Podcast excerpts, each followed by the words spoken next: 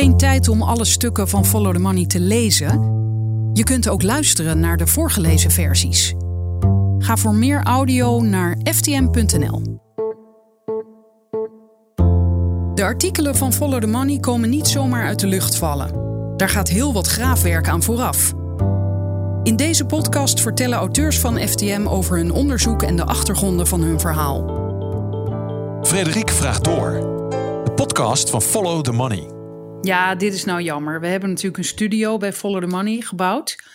En die hebben we begin vorig jaar ingewijd. Maar toen kwam corona. En toen bleek de studio te klein.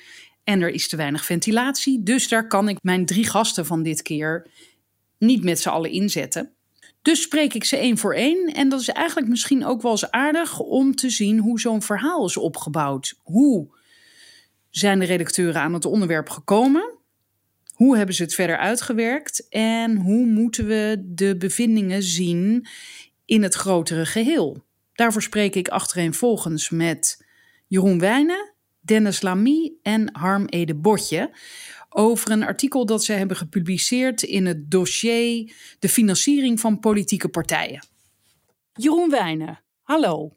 Hey Frederik, leuk om er weer eens eh, te zijn. Ja, wij gaan een artikel bespreken in het dossier Financiering politieke partijen. En nou herinner ik me dat bij de vorige artikelen er soms kritiek kwam van mensen. Ja, jullie behandelen alleen maar rechtse partijen. Ja. Hebben jullie daar iets tegen soms? En in de commentaren zeiden jullie: uh, nee, uh, we gaan alle partijen behandelen. En binnenkort komen de linkse partijen aan bod. Is dat zo? Ja, uh, ja en nee. De linkse partijen komen eraan, maar het nieuwsverhaal wat we hebben gemaakt is niet per se linkse partij. Nou goed, het ligt ook een beetje aan hoe je, hoe je links uh, uh, definieert. PVV wordt over het algemeen gezien als een rechtse partij. Uh, maar um, dat komt omdat wij um, eerst van plan waren om een verhaal te maken over de SP. Dat komt er ook aan. Maar eerst wilden we eigenlijk nog een verhaal maken over de PVV. Uh, omdat we daar best wel een grote scoop uh, voor hadden. En ja, met het gevaar dat het op een gegeven moment een, op een andere manier wegloopt. Of dat iemand anders er al over gaat publiceren. Uh, leek het ons goed om hier eerst over te publiceren. Wat heb jij ontdekt? Ja, Frederik, we hebben het is best wel spannend wat we ontdekt hebben. We hebben, zoals je misschien waarschijnlijk weet, is net de, de, tweede rechtszaak van Wilders is afgelopen over het minder Marokkanen proces. Hij gaat nog in cassatie, maar het hoge beroep heeft al uitspraak gedaan. En eigenlijk was helemaal niet bekend hoe al die juridische kosten van hem betaald zijn. Uh, het is natuurlijk best wel duur, zo'n uh, rechtszaak. En wij hebben de man gevonden die dat proces betaald heeft. Die was eigenlijk helemaal niet bekend, zeker in Nederland niet. En uh, wij hebben een ja, artikel over hem gemaakt waarin we dit onthullen en ook een, ja, een beetje uitleggen wie die man is en wat zijn invloed is op Wilders. Ja, voordat je vertelt wie het is, wil ik eerst graag weten hoe je hem gevonden hebt. Ja, dat uh, was eigenlijk een beetje een toevalstreffer. Einde van het jaar waren we onderzoek aan het doen naar Forum voor Democratie. Dat is een ander verhaal wat we, wat we gemaakt hebben. En uh, ik was aan het kijken naar belastingsformulieren van Amerikaanse uh, stichtingen. Omdat we waren aan het kijken naar de Amerikaanse geldschieters van Baudet. En een van die geldschieters was de American Freedom Alliance. Nou, dus ik was daar aan het doorzoeken. En op een gegeven moment kwam ik achter dat er ook een International Freedom Alliance was. Die leek er een beetje op. Als ik, nou, ik klik daar gewoon op, nou, maar eens kijken wat het is. En toen zag ik op dat belastingformulier gewoon, ja, op pagina 2 stond dat, dat, dat die stichting een donatie had gedaan van 200.000 dollar voor legal defense fees for an individual in his defense of freedom of speech. Ik heb het even bijgepakt. Dus juridische uh, ondersteuning voor een individu dat vrijheid van meningsuiting aan het verdedigen is. Nou, dus ik nog even doorzoeken en dat geld ging naar de Netherlands. Dacht jij meteen aan Wilders? Want, want er zijn natuurlijk wel meer mensen die het vrije woord verdedigen. Ja, die schoot wel meteen door mijn hoofd. Maar ja, dat weet je dan natuurlijk nog niet, uh, niet zeker. Maar ja, toen scrollde ik naar onder en toen zag ik dat het. Toen kwam ik er ook nog achter dat die uh, directeur van de stichting enorme goede vrienden was met Wilders. Dat, ze, dat hij hem heel vaak uitnodigde uh, om naar Amerika te komen, om lezingen te geven. En toen kwam ik er ook nog achter dat Wilders die stichting heeft opgezet. Samen met die meneer, wiens naam ik nog even niet uh, ga noemen voor de spanning. Nou ja, ik bedoel, dan 1 en 1 is 2. Dan weet je eigenlijk gewoon, dan weet je eigenlijk gewoon dat het Wilders is.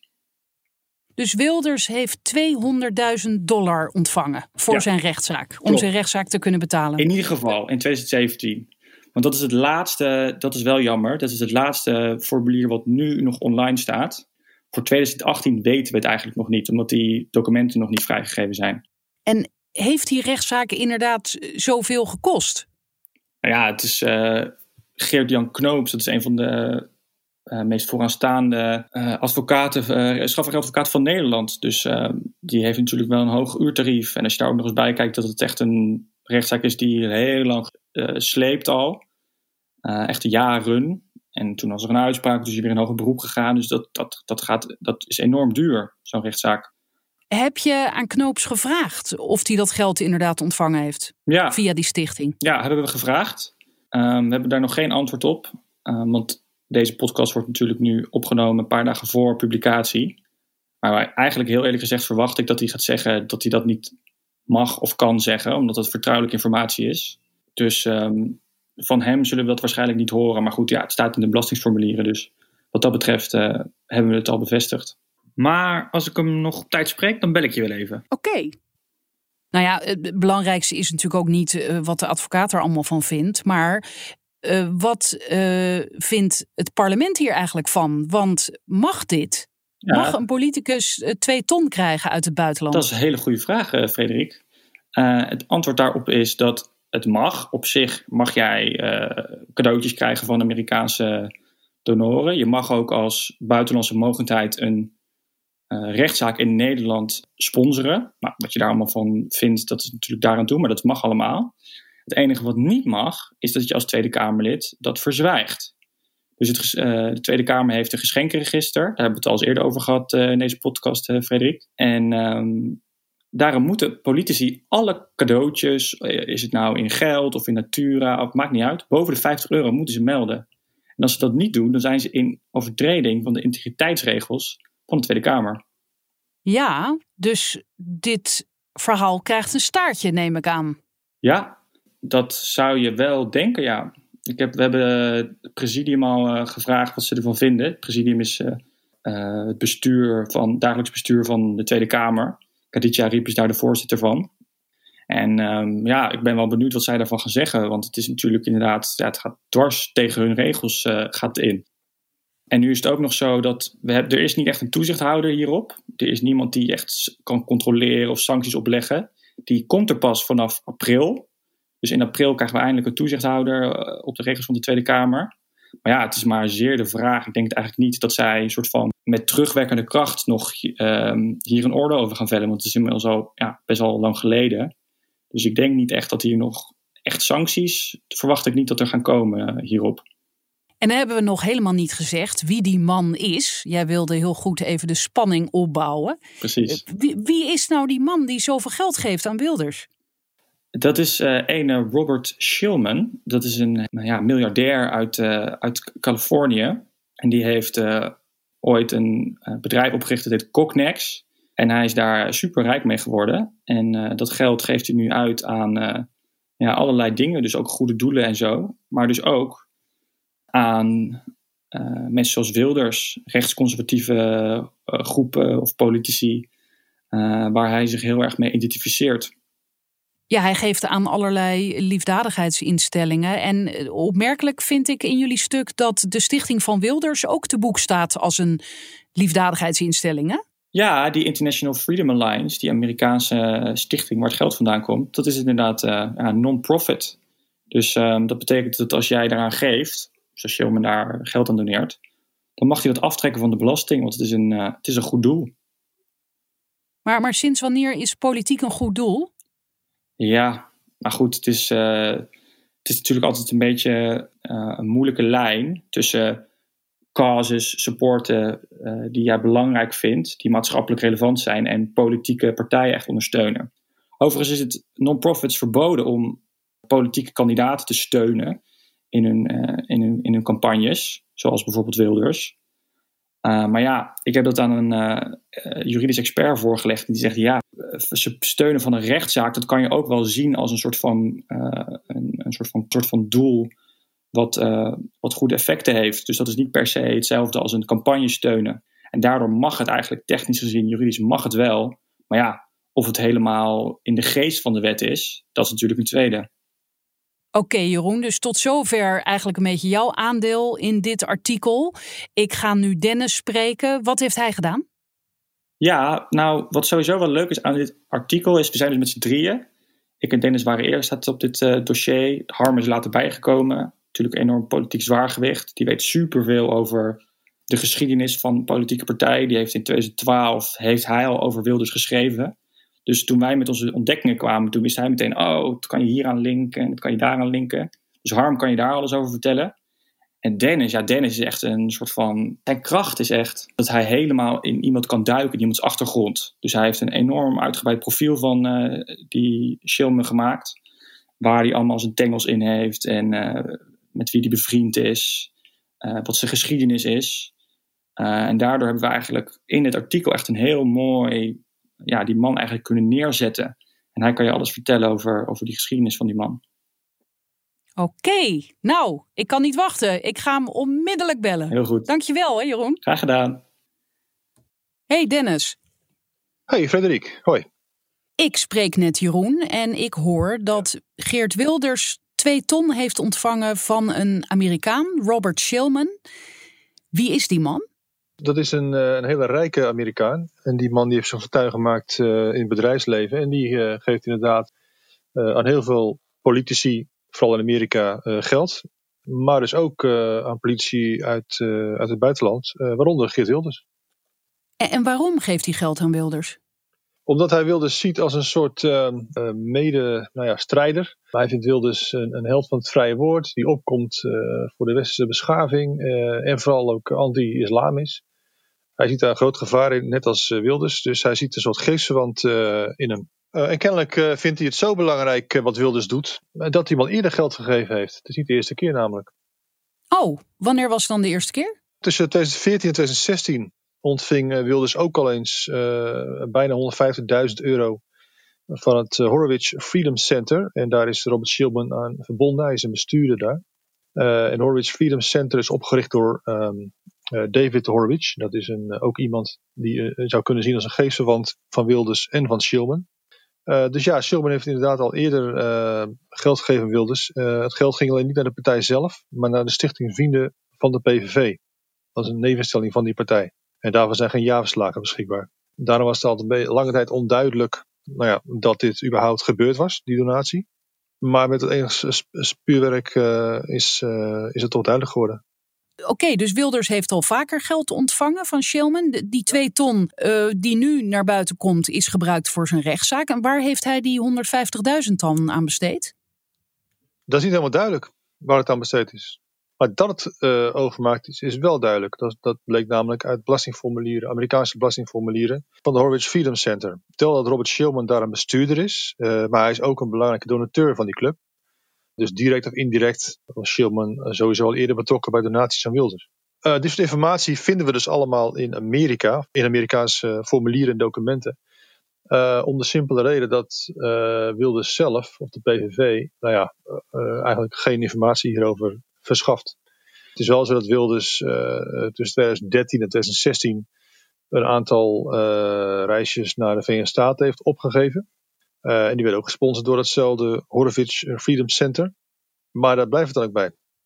En hoe is deze Shilman eigenlijk in zijn rol als donateur gegroeid? Nou, dat is niet helemaal duidelijk, maar hij lijkt er een beetje naartoe te zijn gegroeid met de jaren. Hij is uh, na de oorlog geboren, gestudeerd aan MIT, het uh, Massachusetts Institute of Technology, zeer uh, vermaard wereldwijd. En hij werkte daar op een afdeling voor electoral engineering en computer science. Een beetje in de tijd dat Bill Gates en Paul Allen van Microsoft in hun garage aan de andere kant van het land een uh, Microsoft opbouwde, was hij aan het nadenken over hoe hij uh, gebruik kon maken of mee kon liften op die nieuwe golf aan computertechnologie. Dat is hij gaan doen door een bedrijf op te richten, Cognex. daarvan is hij dus de oprichter. En dat bedrijf dat verkoopt technische toepassingen voor industriële machines. daar heeft hij zijn fortuin mee gemaakt. Het is echt een miljardenbedrijf geworden. En nou ja, met de tijd zie je opeens dat hij zich gaat bemoeien met politiek. Hij gaat uh, politici ook uh, sponsoren. Hij geeft uh, donaties. dat zien we voor het eerst in 2000, als hij op dat moment alleen nog maar democraten steunt. maar vier jaar later steunt hij bijvoorbeeld Nancy Pelosi, de huidige speaker van de Democraten. Maar dan ook al bijvoorbeeld George Bush, op dat moment de Republikeinse presidentskandidaat. Overigens onze op dat moment ook John Kerry van de Democraten, de tegenstrever van Bush. Dus het was wel aardig een evenwicht. Uh, ook qua geld trouwens, 2000 euro, of 2000 dollar moet ik zeggen, uh, voor beide partijen. Oh, dat is wel opmerkelijk. Dus hij is net zoals Wilders uh, opgeschoven van de liberalen meer naar rechts. Ja. Ja, ja, dat zou je zo kunnen zeggen. Ja, dat klopt. Ja, want hij is dus, uh, nou ja, na 2004 kun je zeggen, is hij eigenlijk helemaal bezig geweest met het sponsoren van republikeinse politici. Senatoren, aanstormende congresleden, presidentskandidaten. Tot aan Donald Trump toe. Hij heeft bijvoorbeeld in de afgelopen jaren nog een billboard op Times Square gekocht in New York. Dat zal niet goedkoop geweest zijn. waarop hij Donald Trump als een soort Superman afbeeldt. Dus nou ja, goed, dat, dat, zegt iets over zijn politieke voorkeuren. Maar inderdaad, hij dus, heeft een behoorlijke zwaai gemaakt. En is Nederland en, en Wilders dan in dat licht niet veel te klein voor hem? Nou, hij en zijn geestverwanten, er zijn natuurlijk meer Amerikanen die, die zo denken als hij, die zien toch wel een beetje het voorland in Europa, van wat zij niet willen in Amerika. En uh, Wilders refereert er ook aan als hij daar lezingen geeft. En hij vertelt daar hoe verschrikkelijk het wel niet is in Europa. nou ja, mensen als Schilman die, die delen die angst van Wilders. En die, die zijn dan denk ik ook om die reden kijken niet op een grens of op een oceaan. Die, die zien gewoon de toekomst voor zich. En dat willen zij, althans een toekomstbeeld ja, in hun ogen. wat ze niet willen. En nou ja, vandaar dat, dat, dat daar zich dood aan bezighoudt. Uh, en dat is ook de reden waarom uh, Shilman uh, meerdere mensen in Europa steunt die zich verzetten tegen de islam, in de meest brede zin. En jullie schrijven ook dat Shilman zegt dat hij het liefst zelf de strijd was aangegaan, maar dat dat niet kon. Ja, dat is iets dat hij, dat hij met zijn familie overlegt en dat, dat kon niet. Het is niet helemaal duidelijk ehm, wat hij daarmee bedoelt. En helaas hebben we het hem ook niet kunnen vragen omdat hij alle eh, medewerking eh, weigerde. Want eh, we zijn een links medium, vond hij. En daar wilde hij niks van weten. Op zich wel positief dat hij Follow the Money kende? Of, nou, ik heb ook niet de illusie dat hij ons kende. Ehm, maar ik denk dat hij bijvoorbeeld al misschien, wellicht heeft hij bij Wilders wat informatie opgevraagd. Of, of nou ja, had hij bepaalde vooroordelen, wie zal het zeggen. Maar hij wilde in ieder geval absoluut niet meewerken. Maar hij noemt Follow the Money een linksmedium. Ja, dat deed hij wel. Ja, klopt, in de mail. Oké, nou dat kunnen we dan zeggen tegen de mensen die ons mailen met de opmerking dat ze ons terecht vinden.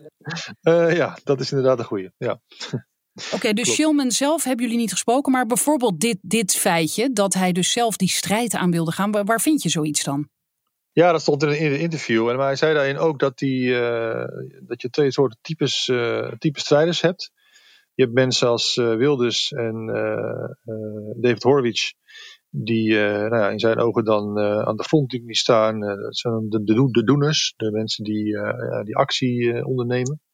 En je hebt mensen die met de pen strijden, zoals hij dat dan noemt. Daar zou je van, zou je van kunnen denken dat hij daarmee bijvoorbeeld journalisten bedoelt of schrijvers of zo. Maar hij vertaalt dat in die pen als in, nou ja, ik schrijf checks uit met een pen. En nou ja, daarmee ondersteun ik mensen als Wilders en, en Horowitz en anderen. Dus nou ja, goed, zo zit dat bij hem. En je zegt, eh, ik las dat in een interview, terwijl Shilman, schrijven jullie ook, het liefst in de luwte blijft. Maar hij laat zich dus wel eens een enkele keer interviewen.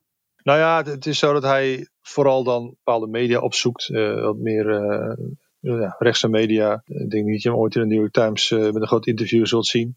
Dus ja, inderdaad, hij is zo actief in, in waar hij zijn stem laat horen. Dat klopt. Moet Wilders eigenlijk iets terugdoen voor dat geld? Ja, dat is natuurlijk moeilijk te zeggen. We zijn natuurlijk niet bij de gesprekken die, die hij voert met, met zijn grote vriend Shulman. Wat we wel zien is dat hij bijvoorbeeld optrekt met iemand als Tommy Robinson. Dat is de oprichter en voormalige leider van, van de anti-islamitische English Defence League. Club in Engeland die zich regelmatig laat zien en ook van zich laat horen bij protesten tegen islam. En deze Robinson die die heeft op een gegeven moment een, een, zogenaamd Shilman Journalism Fellowship gekregen. Via wederom, er is de Horowitz Freedom Center. En hij ging, dus, is daarvoor gaan schrijven voor de Canadese rechtse website Rebel Media. En Shillman was daar ook wederom de geldschieter. dus je ziet wel dat er een soort netwerk is van mensen die nou ja, door Shillman worden gesponsord en dus elkaar optrekken op het eerste gezicht zou je zeggen, nou ja, Robinson en Wilders, ja, die zijn al anti-islam. Dus op zich is dat nou ja, iets, iets wat ze delen. Ze hebben, een soortzelfde agenda die ze willen uitvoeren. Tegelijkertijd moet je zeggen dat iemand als Robinson wel wat meer buitenparlementair is. Uh, om niet te zeggen redelijk van de straat. de man is regelmatig heeft hij vastgezeten voor allerlei incidenten. Dat kun je Wilders volgens nog niet zeggen. hij is natuurlijk wel veroordeeld wegens opruiming. Maar hij is niet van het geweld. En Robinson is wat dat betreft wel wel wat agressiever. Dus ja, of daar een achter zit dat Wilders dat dan moet doen of zo van Shilman, nou ja, dat gaan we niet weten. Of dat hij gewoon denkt van, nou, ik heb niet zoveel vrienden in deze hoek, uh, islamitische hoek, uh, dus laat ik maar eens kijken of ik die Robinson wellicht aan me kan binden. Dat weten we niet, maar feit is wel dat de banden zijn, zeker. Ja, je zegt uh, daar zullen we niet achter komen. Te meer omdat Wilders geen antwoord wil geven. Uh, maar wat hij inmiddels wel heeft gedaan is, jullie hadden hem vragen gesteld, hè, bevestiging gevraagd. Of hij die twee ton inderdaad ontvangen heeft. En hij heeft jullie vragen op Twitter gegooid. Ja, dat klopt ja. ja. In plaats van dat je gewoon antwoord geeft, uh, ja, wat doorgaans gebeurt in een land met persvrijheid, democratie en openheid en noem maar op uh, vond hij het nodig om uh, ja, eigenlijk die vragen compleet te negeren en op Twitter los te gaan over het feit dat hij al tien jaar voor de rechter staat, zo zei hij, in een politiek proces. Ze willen de mond snoeren. Dat dat tonnen aan advocaatkosten kost. Dat hij blij is met steun van velen binnen- en buitenland.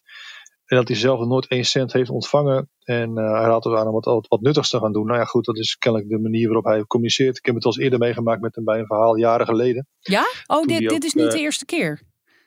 Nee, ik heb ooit een keer een vraag gesteld aan, ik meen toen Bosma of de PVV. En in plaats van dat ik antwoord kreeg, kreeg ik een blok op Twitter van, uh, van Wilders. Ik had verder nog nooit met hem geconverseerd. Dus ja, dat is kennelijk de manier waarop hij communiceert.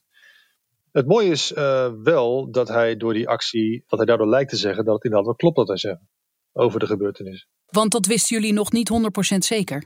Nou ja, kijk, collega Jeroen, die, uh, die had het document 990 of 909 belastingformulier uit Amerika opgeduikeld, waarop te zien is dat er een bedrag is overgemaakt, dat er een reden bij staat, waar het naartoe gegaan is, zelfs naar Nederland uh, en een advocatenkantoor. En dat het zou gaan om uh, verdediging vrijheid van meningsuiting. En dat dat kwam van een stichting waar Schilman de ene bestuurder was en Wilders de oprichter. Dus uh, ja, hoe zeker kun je zijn, maar we zijn er niet 100% zeker, want zijn naam stond er niet bij. Maar hij zegt hiermee eigenlijk wel dat, nou ja, lijkt hiermee te zeggen dat we wel gelijk hebben. Ja, jij noemt nu het nummer van dat document, 990, wat zei je? Wat, wat betekent dat? Een 990 formulier, dat is een soort belastingformulier die uh, uh, non-profit organisaties uh, moeten opgeven waar zij naar wie ze geld hebben gedoneerd onder andere. Daar staan ook meer zaken op hoor, maar, maar ook dat. Ja, dus in principe is de informatie dus openbaar? Die is openbaar, ja. Uh, moet ik wel toevoegen dat je daar wel een enorm goede speurneus neus voor nodig hebt. En die hadden wij met Jeroen Wijnen. die, uh, ja, je moet wel weten waar je moet kijken. Je moet, ja, het kost gewoon tijd, moeite. En dat heeft Jeroen heel goed gedaan. En daar konden we, hij vond dat document en daar hebben we op kunnen voortborduren. Tot wat we uiteindelijk hebben nou, kunnen publiceren. Ja, ik vroeg ook aan Jeroen of hij denkt dat dit consequenties zal hebben. Want Wilders had het dus moeten melden aan de Tweede Kamer. Wat gaat er gebeuren, denk je? Ik denk dat er gaat gebeuren wat er meestal gebeurt in dit soort gevallen. We hebben het ook gezien bij Pechtold, maar we hebben het ook gezien bij onze eerdere stukken uh, die we publiceerden over uh, in het kader van partijfinanciering, partijen die niet helemaal uh, kosher hun financiën op orde hebben. Dus bijvoorbeeld bij Forum voor Democratie, daar hebben we over geschreven. Die hebben ook toen een, een, nou ja, een schimmige fondsenwerving gehad. Uh, waar ook een flink bedrag uh, is gedoneerd, wat niet is overgemaakt. Uh, maar ook 50 plus, die hadden bijvoorbeeld de administratie niet op orde, hebben we ook over gepubliceerd. Het CDA, die heeft een businessclub die, die geld inzamelt, hebben we over gepubliceerd. Uh, is allemaal terug te vinden op de site en er komen nog, nog meer stukken aan. Maar wat gewoon elke keer weer blijkt, is dat ja, er is wel toezicht, maar het is een beetje een wassen neus. Het is niet echt hard, het is niet zelden of nooit handhavend. Dus op jouw vraag ja, wat er gaat gebeuren. Eh, ik denk dat er misschien hier en daar wat ophef is. Uh, of dat Kamerleden zeggen van nou, dit kan toch allemaal niet. Maar dat hebben we eerder gezien. Uh, de vraag is of zij wetgeving voor gaan stellen om dit strenger aan, te gaan pakken. Dat zou natuurlijk pas echt een verschil maken. Oké Dennis, dankjewel. Ik ga zo Harm Ede Botje spreken. Wat is zijn bijdrage geweest aan jullie stuk? Nou, het is fijn dat Harm uh, al een tijdje meeloopt. Een stuk langer dan Jeroen en ik toen wij net leren schrijven, had hij al 30 jaar ervaring of zo. Uh, dus het is, uh, het is fijn om een lopende encyclopedie te hebben naast je, uh, die, die, een heleboel verbanden kan leggen met dingen die al gebeurd zijn. En die, die daardoor heel snel kan schakelen van toen naar nu. En lijntjes eerder ziet dan wij. dus dat was heel fijn. En ja, gewoon, gewoon een goede journalist, zo simpel is het. Dankjewel. Ja, jou bedankt. Hey Frederik. Hey, Jeroen. Uh, ben ik weer. Ja, ik zou nog even wat van me laten horen als uh, die advocaat uh, iets van zich had laten horen. Ja. Ehm, en? Ja, hij heeft gereageerd eigenlijk wat we dus al verwachten. Hij zegt, ik citeer, gelet echter op het beroepsgeheim dat ook ziet op de wijze van financiering van strafprocessen, kunnen we helaas niet op uw verzoek ingaan. Oh, dat is jammer. Nou ja, it's what it is. Oké, okay, nou dan ga ik nu met Harm in gesprek. Dank je. Is goed. Hallo Harm. Hi, Frederik. Nou, ik heb Jeroen en Dennis gesproken en um, dus ik weet al het een en ander, maar uh, zij noemen jou een zwaar gewicht.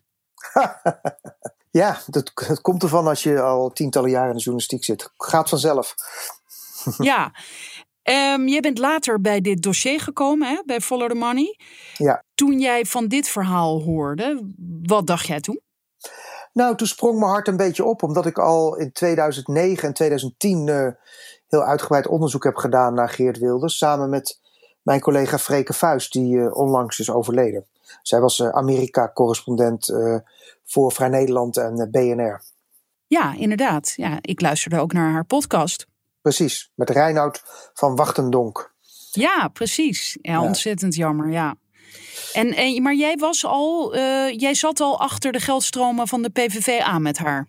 Ja, zij heeft toen een heel groot onderzoek gedaan naar um, de financiering van, van Wilders in Amerika. Dus eigenlijk, hè, Geert Wilders is eigenlijk nadat hij uit de VVD is gegaan uh, in, in 2004 ongeveer, is hij vrij snel naar Amerika afgereisd en is hij dus steeds prominenter geworden. En Freke heeft toen dat uitgezocht samen met mij. En ik heb toen me ook vooral gericht op zijn avonturen in Israël. Uh, waar hij ook een enorme aanhang heeft in uh, nou, vooral kolonistenkringen. Maar heeft hij daar ook geld van ontvangen? Uh, daar, Amerika is belangrijker. Hij heeft vooral voor de film Fitna daar allerlei inspiratiebronnen gehad. En daar heb ik toen veel onderzoek naar gedaan. Maar, maar de, de, de geldstromen kwamen vooral uit Amerika. Uh, je ziet dat de namen die we nu in dit stuk uh, naar voren komen, dat die al eigenlijk al vele jaren meegaan. Zoals die David Horowitz was toen ook al een uh, figuur die, die Wilders omarmde. Hè, ook met dezelfde retoriek. Hè, de, de, Europa dreigt dan onder te gaan aan, aan de islam. Hè. De islam neemt die over. En Geert Wilders, Gert, Gert Wilders, is de enige die overeind staat hè, en die genoeg ruggengraat heeft om uh, tegenwicht te bieden. Al dit soort mensen, Daniel Pipes, uh, uh, David Horowitz, Frank Gaffney, die in dit verhaal wat wij nu voor Follow the Money hebben gemaakt niet voorkomt, maar wel ook een belangrijke rol speelt, die, die werden allemaal een stuk prominenter toen Donald Trump het Witte Huis inging. Werd ook adviseur. Um, en uh, dat, uh, die, die, Bridget Gabriels, die ook in het stuk van Follow the Money voorkomt, en die dan ook opeens in het Witte Huis terechtkomt, waren allemaal vrij marginale figuren voorheen. En onder Trump kregen die dus een ontzettend belangrijke rol. Hè? De John Bolton, ook een man die dus bestuurslid is van een van die stichtingen waar Wilders warme banden mee onderhoudt, die dan nationaal veiligheidsadviseur wordt. Al deze mensen zullen waarschijnlijk ook met Trump nu weer ja, wat meer verdwijnen in de marge, denk ik. Tenzij uh, die beweging ook de komende tijd nog heel sterk blijft. En jouw hart maakt een sprongetje, zei je. Uh, en, en waarom was dat dan? Behalve dat het je deed denken aan die eerdere uh, reportages? Nou, vooral daarom, omdat ik natuurlijk gewoon heel erg intensief met Freek heb samengewerkt. En omdat ze net is overleden en ik, mijn hart dus dicht bij haar zit. Um, maar kijk, ik vind het, daarnaast vind ik het gewoon heel goed dat uh, dat nu weer eens een keer dat verhaal over die financiering van Wilders naar boven komt. Toen wij daar dus in 2009, 2010 met Vrij Nederland over schreven. Uh, ja, toen was het eigenlijk nog heel moeizaam, omdat die wetgeving rondom dat ges, hè, die geschenken aan politici, die registratie daarvan, die was, die, ja, die was eigenlijk heel slecht georganiseerd. En dat is, dat, nu, ja, nu zou hij dat hebben moeten melden. Dat heeft hij, voor zover we weten, niet gedaan. Dus dat maakt het wel anders en ook spannend ja, wat hier nu uit gaat komen. Ja, um, toen ik Jeroen en Dennis daar naar vroeg, uh, zeiden zij van ja, waarschijnlijk, ja, er zal wel een beetje ophef zijn, maar er zullen geen sancties volgen of zo. Want er is eigenlijk nog steeds geen toezichthouder. Die komt pas per 1 april. Dus hij ontspringt net de dans, lijkt het. Uh, dat zou kunnen. Ik, ik ben benieuwd. Het, we, wachten nog op antwoord. Hè. De, dit, dit gesprek is vast vlak voor publicatie. Maar in ieder geval is dit onderwerp uh, door dit onderzoek weer geagendeerd. En ook is als in april dit pas ja, met een soort commissie die dan toezicht houdt, wordt opgetuigd. Dan is er in ieder geval een duidelijke case waar we met z'n allen naar kunnen kijken van ja, hoe had dit gemoeten? En ook voor de toekomst ja, is natuurlijk de grote vraag. Mag iemand als Geert Wilders, die een partij heeft, die bestaat uit één lid, hè, die dus geen subsidie krijgt, als die een grote rechtszaak krijgt, zoals deze rechtszaak, de, de, de minder Marokkanen rechtszaak, die, die maanden en jarenlang voortduurt, waar de kosten enorm van zijn, mag je daarvoor dan buitenlandse financiering accepteren? Of mag dat niet? En, en als dat wel mag, moet je, hoeveel dan? En, en, en, registreren, hoe zit dat dan? Kijk, ik, ik kan me gewoon al voorstellen dat Wilders ja, uh, uh, uh, een hoop kabaal gaat maken als hem dit wordt ontzegd. Want hoe moet hij dan zijn rechtszaken betalen? Waarmee die strijd tegen de Nederlandse overheid, die er alleen maar op uit is hè, om, zijn pezen te snijden. Hè? Dat zal ongeveer de opvatting zijn van Wilders. Maar het is in ieder geval een debat wat je kan voeren. Als je het inderdaad vanuit Nederland bekijkt, zijn er al eerder dit soort donaties, hebben die plaatsgevonden in de politiek? Nou ja, in ons stuk noemen we twee voorbeelden, hè, die de luisteraar misschien nog zich zal herinneren. De ene is het appartement van Alexander Pechtold, wat hij kreeg van een bevriende Canadese diplomaat. Of de privévluchten die Baudet maakte met de Suit Supply oprichter Fokke de Jong.